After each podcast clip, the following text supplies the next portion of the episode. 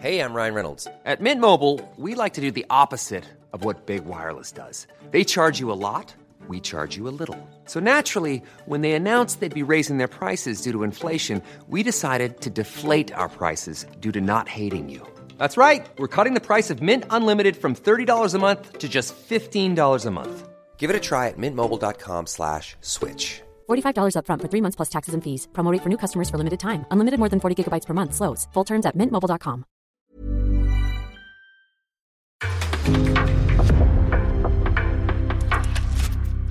En podcast från Aftonbladet.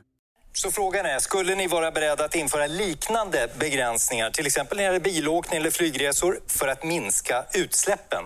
Den som tycker det upp med en hand. Om klimatet är den viktigaste frågan, vilket den är eftersom vår överlevnad hänger på den, varför är det då så få som röstar på Miljöpartiet? människor som kan vara med. Det handlar ju om att se till så att vi bygger ut det hållbara, de hållbara lösningarna. Vad händer med ideologierna och vad är grön politik?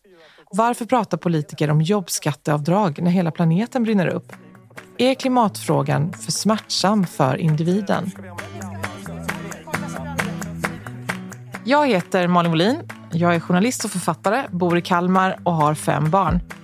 I den här poddserien Malin blir en bättre människa så bjuder jag in gäster som ska berätta för mig och för er hur vi förhåller oss till klimathotet och blir bättre människor.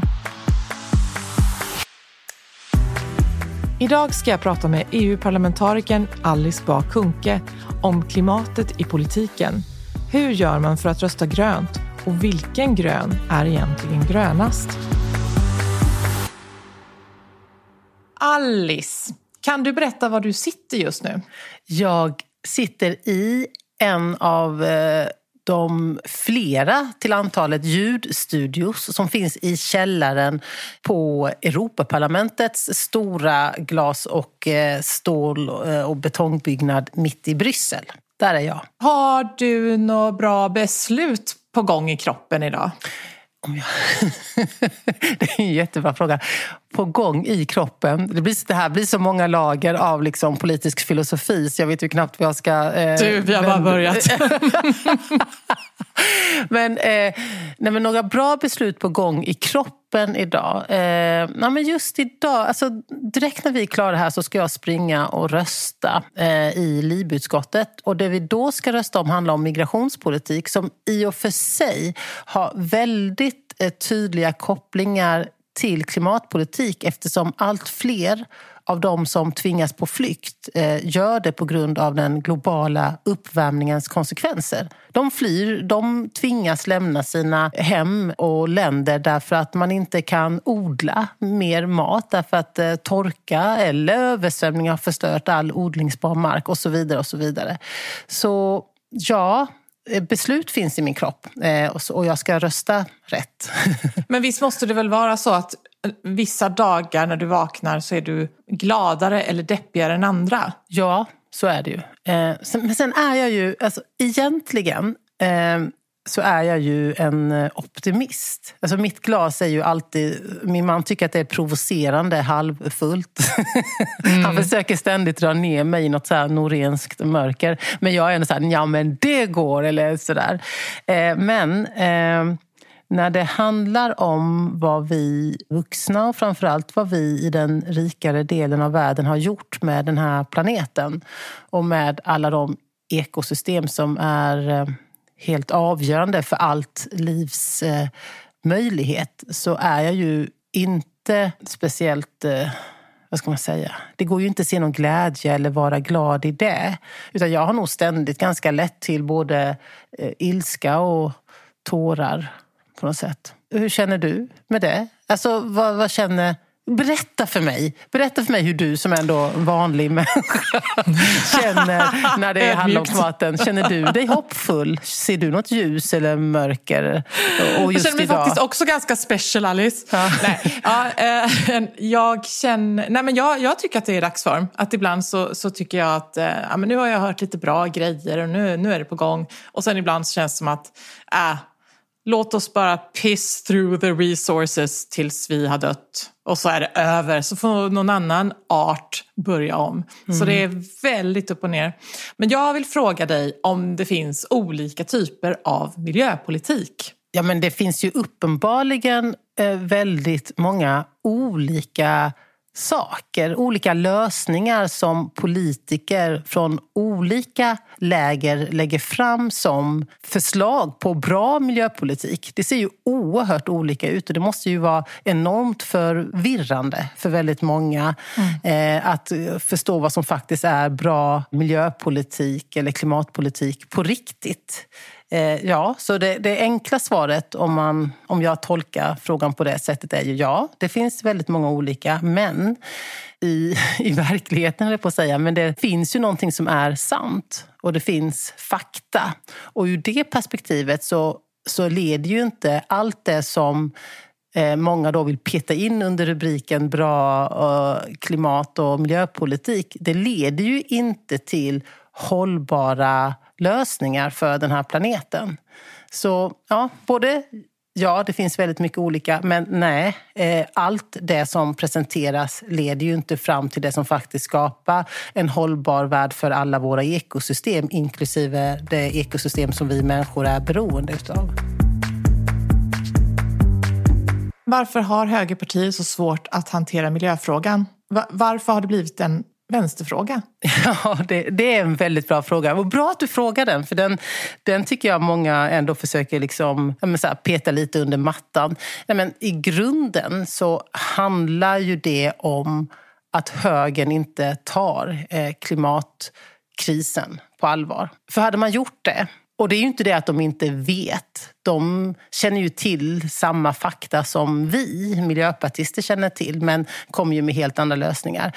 Men hade de tagit den på allvar och hade de velat berätta sanningen då hade man inte eh, lagt fram sådana förslag som de lägger fram. Då hade de inte fört fram en, till exempel en skogspolitik som i många delar är mer av skogsskövling fastän man vet, alla vet all vetenskap pekar på hur viktig skogen är för den biologiska mångfalden.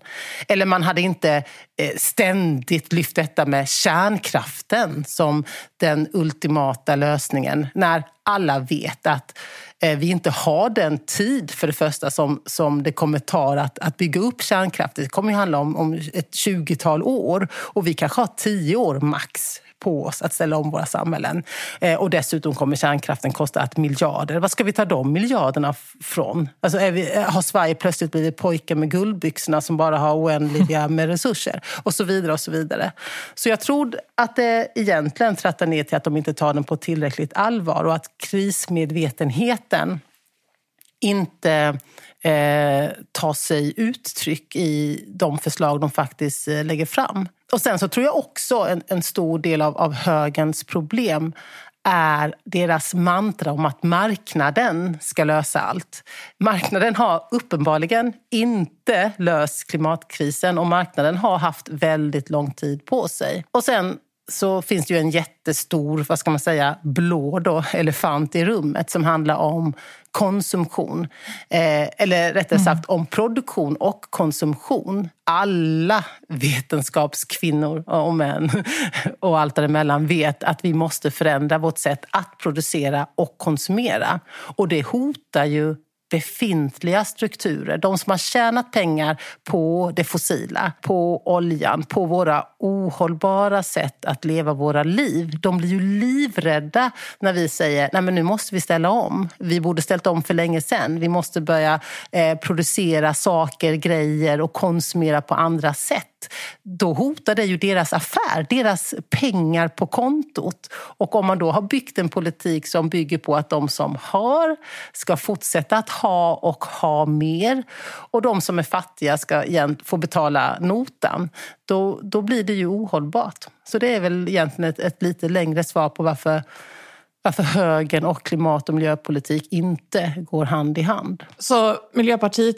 är ett ganska rött parti? Miljöpartiet är ett parti som framför allt förstår vikten av hållbarhet i dess sanna mening. Eh, när de som bildade oss för 40 år sedan de bestämde att vi ska eh, ledas av eh, tre solidariteter. Det handlar om solidaritet med alla människor, solidaritet med alla ekosystem och solidaritet med kommande generationer. Det betyder att den sociala rättvisan är ju helt eh, avgörande för att vi ska lyckas skapa ett mer klimatmässigt och miljömässigt hållbart samhälle. Eh, liksom eh, eh, en, en ekonomisk hållbarhet. Man pratar ju ofta om de här tre delarna när man talar om, om hållbarhet. Alltså social hållbarhet, miljömässig hållbarhet och ekonomisk eh, hållbarhet. Och om man vill, eh, eller rättare sagt, eh, om man känner och ser att den sociala politiken och klimaträttvisa är ett begrepp som högern helt har övergett eller inte ens är intresserad av. Och man definierar det som en, en vänsterpolitik. Ja, på det sättet är vi väl vänster då. Men jag vill ju säga, och många med mig, eh, många miljöpartister med mig vill ju mena att det är grön politik. Att se den här helheten och arbeta med hållbarhet i alla dess delar. Mm. Med, med allt detta sagt, då, varför tror du att det går så dåligt för Miljöpartiet? Jag tror det beror på många, eller flera eh, saker. Dels så är ju vi, eller ha, vi är och har varit eh, dåliga på att nå fram med information till potentiella väljare att vi har den här helhetspolitiken. Jag tror att väldigt många allt för många ser oss som ett enfrågeparti. Att det är bara klimat och miljöpolitik som, som vi kan. Och när då väljarna står med sin enda röst, för man har ju bara en röst, så eh, vågar man inte eh, rösta på oss därför att man vet inte vad mer vi tycker och kan och vill i alla de andra områdena som ju eh, påverkar våra liv och våra barn och barnbarns liv i framtiden. Så det tror jag att vi har, har varit för dåliga på och är för dåliga på.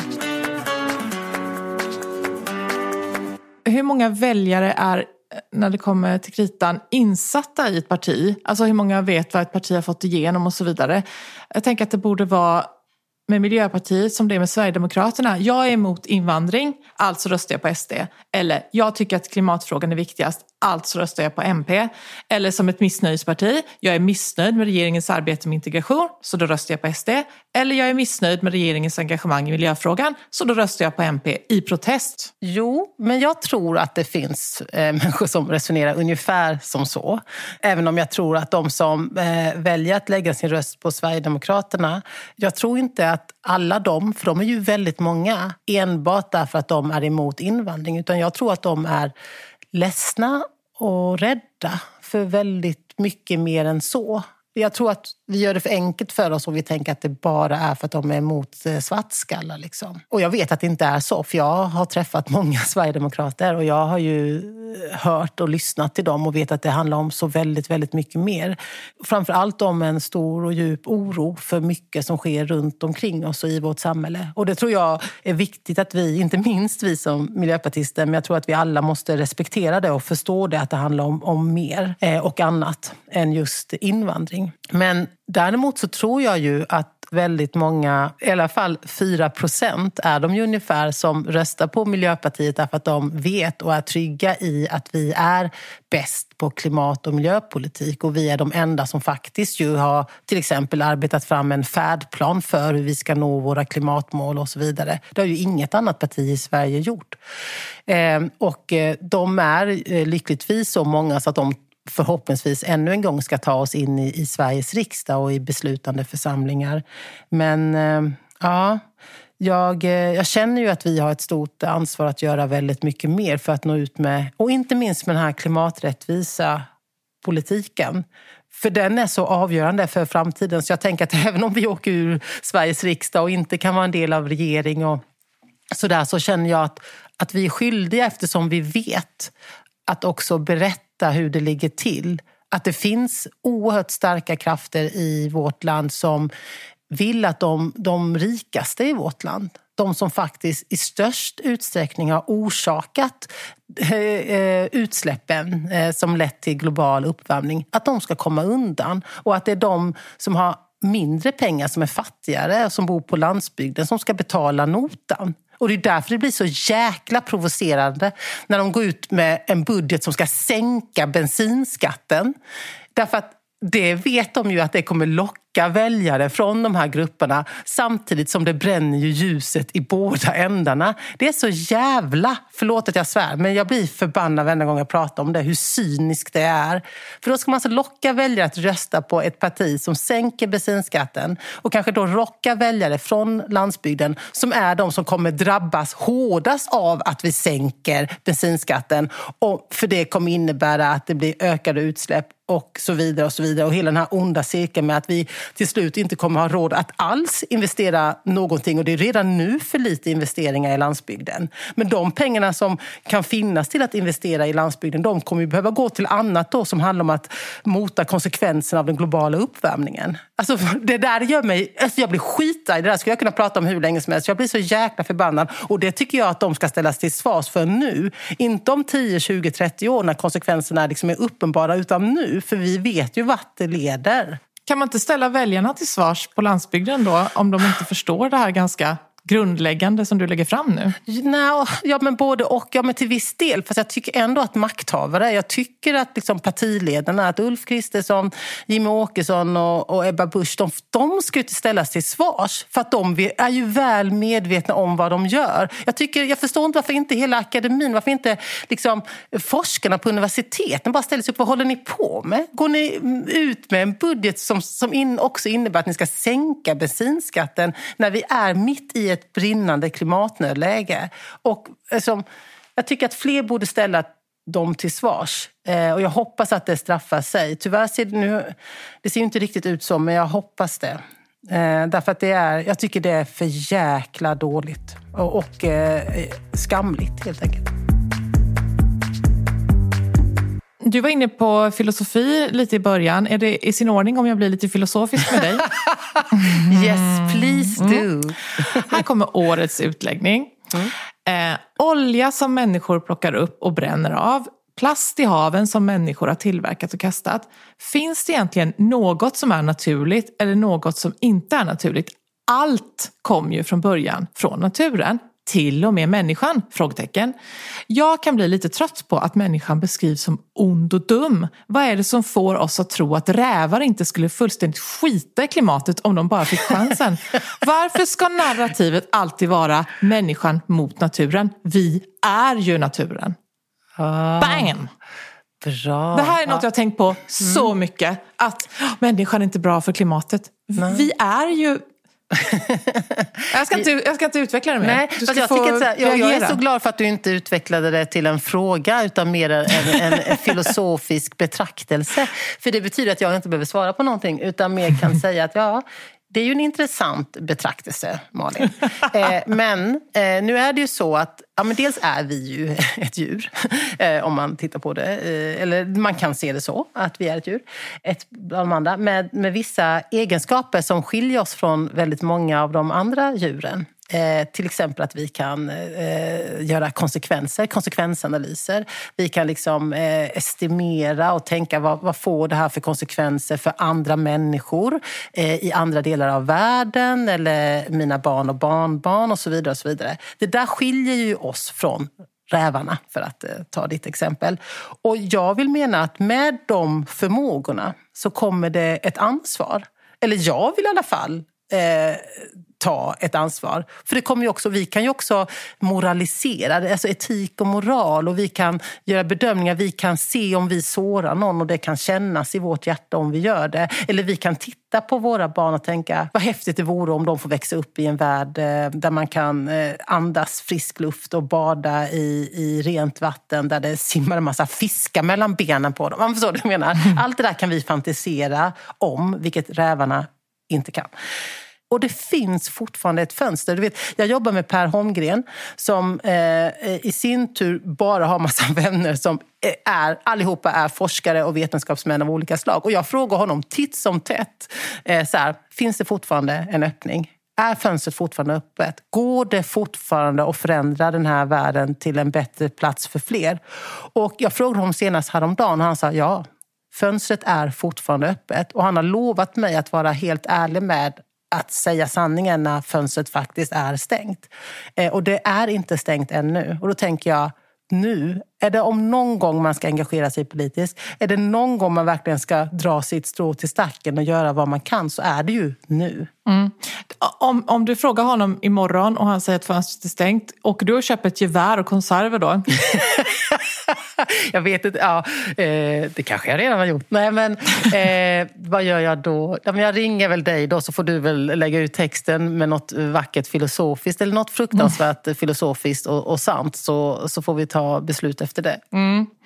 Men du som rör dig i beslutsfattarmiljöer och ägnar dig åt tonvis av byråkrati. Hur ofta händer det att du blir uppgiven och bara vill skrika “Men skit i det då för fan!”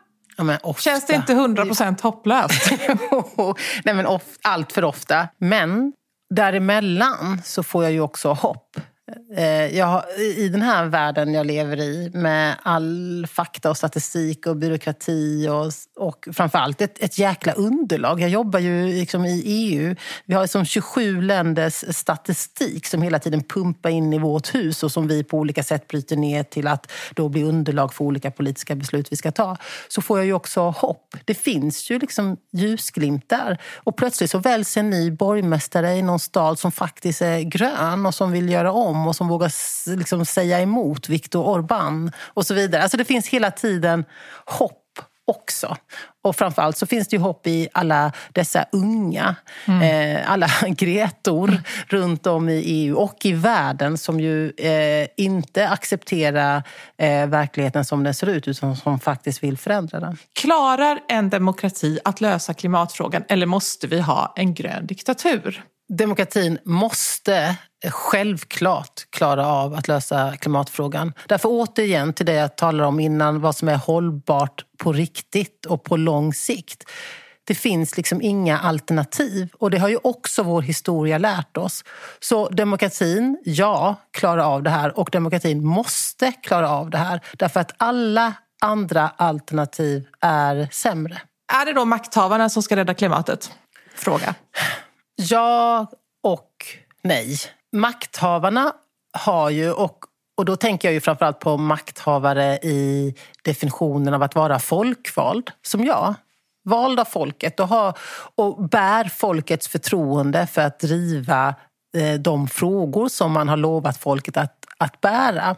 Eh, och med det kommer ju ett, ett, ett, enormt ansvar. Till exempel detta att tala sanning, att lägga fram fakta på bordet, att faktiskt eh, berätta om den klimatkris vi är i och att det kommer kräva att vi ställer om hela vårt samhälle och det är bättre att göra det förr eller senare. För varje dag som går så blir det dyrare och kommer bli mer smärtsamt och så vidare. och Så vidare.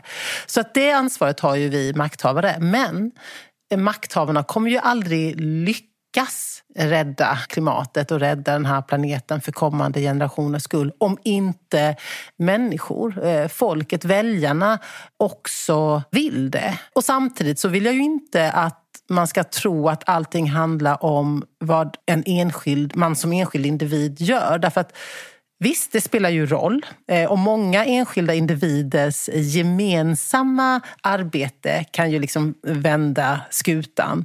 Men vi måste ju sträva efter systemförändringar som verkligen förändra våra samhällen i grunden. Och för det behöver vi demokrati till exempel. Och för det behöver vi våra parlamentariska system och lagändringar och så vidare. Men de kan ju inte genomföras om inte folket vill det. Då kan ju politikerna sen och makthavarna agera. Så ja och nej. Varför är det så svårt att se klimathotet som ett hot? För det gick ju jättefort att se corona som ett hot och något att omedelbart anpassa sig till. Mm. Och varför kan då inte klimathotet fungera precis som en pandemi? Med begränsningar och lockdowns och restriktioner och whatnot. Mm. Ja, men det, är ju, det är ju en intressant eh, frågeställning.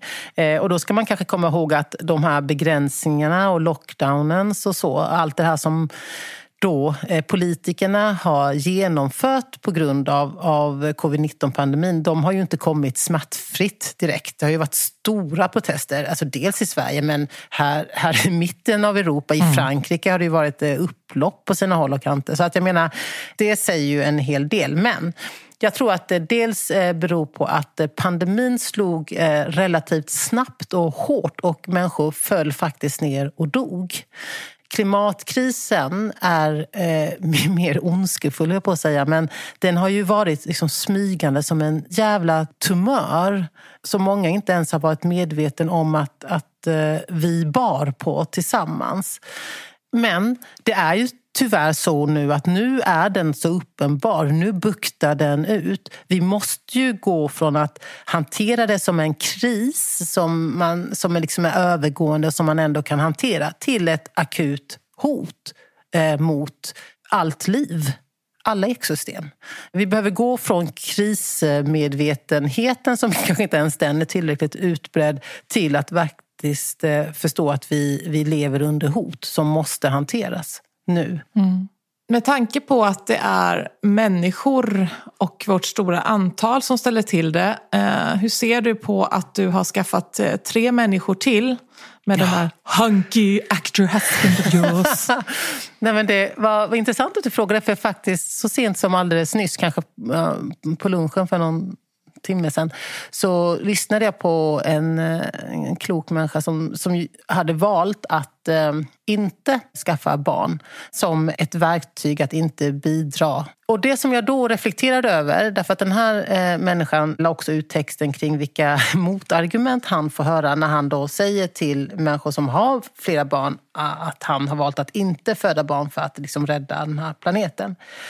Och då läste jag igenom de här motargumenten och då hamnade jag i en politisk filosofisk diskussion med mig själv om de här valen vi gör. Och jag liksom brottades lite med mig själv och tänkte, men vad, hur, hur tänkte jag? Eh, och då ska jag mm. ärligt säga att jag, jag, har ju längtat efter barn sedan jag var barn. Och eh, eh när jag var barn och började längta efter barn, jag, jag älskar barn och började längta efter att få liksom, min familj. Eh, även om jag också älskade liksom, min första familj så längtade jag efter mina egna barn. Och, så där. och när min mamma pratade med mig om när hon får barn. Alltså, det är verkligen så här art, så som jag pratar med mina barn nu. Det skulle den här människan jag lyssnade på på lunch tycka var helt oansvarigt. Då, då har jag, och när jag sen då blev vuxen och, och började försöka göra barn med min man, då var det ju aldrig, jag, hade aldrig, jag reflekterade aldrig ens över att det inte skulle vara bra för den här planeten. Eller att jag tänkte aldrig ens att det skulle vara dåligt för andra människor och annat liv. Utan eh, tvärtom så var det så oerhört starkt känslomässigt, primitivt, eh, på många sätt liksom allt annat än liksom en intellektuell övning jag höll på med när jag försökte göra barn. Så det ska jag ärligt erkänna. Jag kanske hade resonerat på andra sätt idag, det vet jag inte. Nu, nu kommer det ju inte bli fler barn från mig. Eh, men eh, jag skulle aldrig få för mig aldrig att eh, begränsa mm, någon annan eller liksom pådyvla någon annan människa att, att hon eller han har gjort fel som har liksom skaffat barn eller som väljer att inte skaffa barn. För att jag respekterar hans, eh, ja det är hans val. Jag har gjort ett annat val. Jag reflekterar inte ens över klimat och miljö när jag skaffar barn, vilket jag tror att 99 procent av alla människor inte gör. Men jag kan förstå att det kanske blir en större diskussion i framtiden. Det finns väldigt många barn att ta hand om i världen. Och det, är ju, det däremot var ju en sån sak som jag diskuterade med min man. Det finns massa barn som, som dör. Det finns massa kvinnor som inte får hjälp med att ta hand om sina barn och tvingas adoptera bort sina barn. Har vi ett ansvar där? Och så vidare.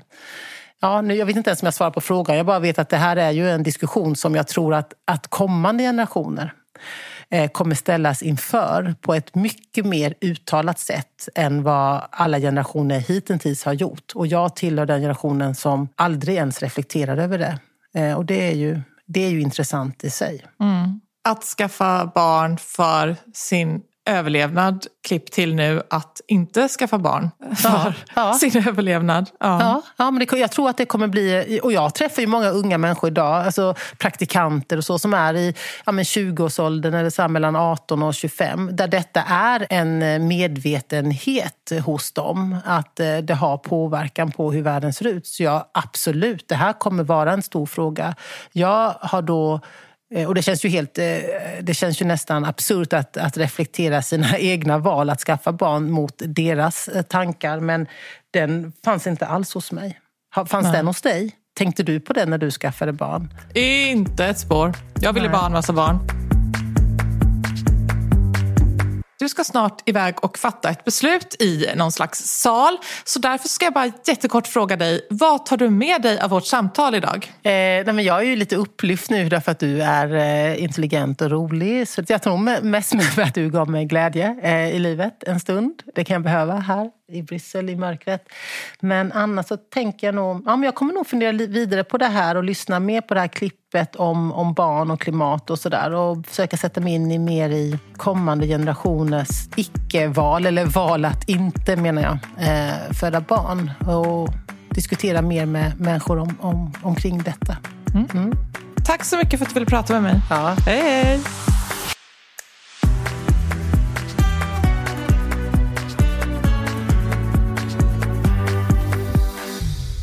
Den här podcasten är gjord av produktionsbolaget Cast för Aftonbladet.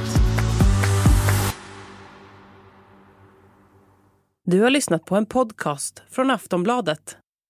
Ansvarig utgivare är Lena K Samuelsson.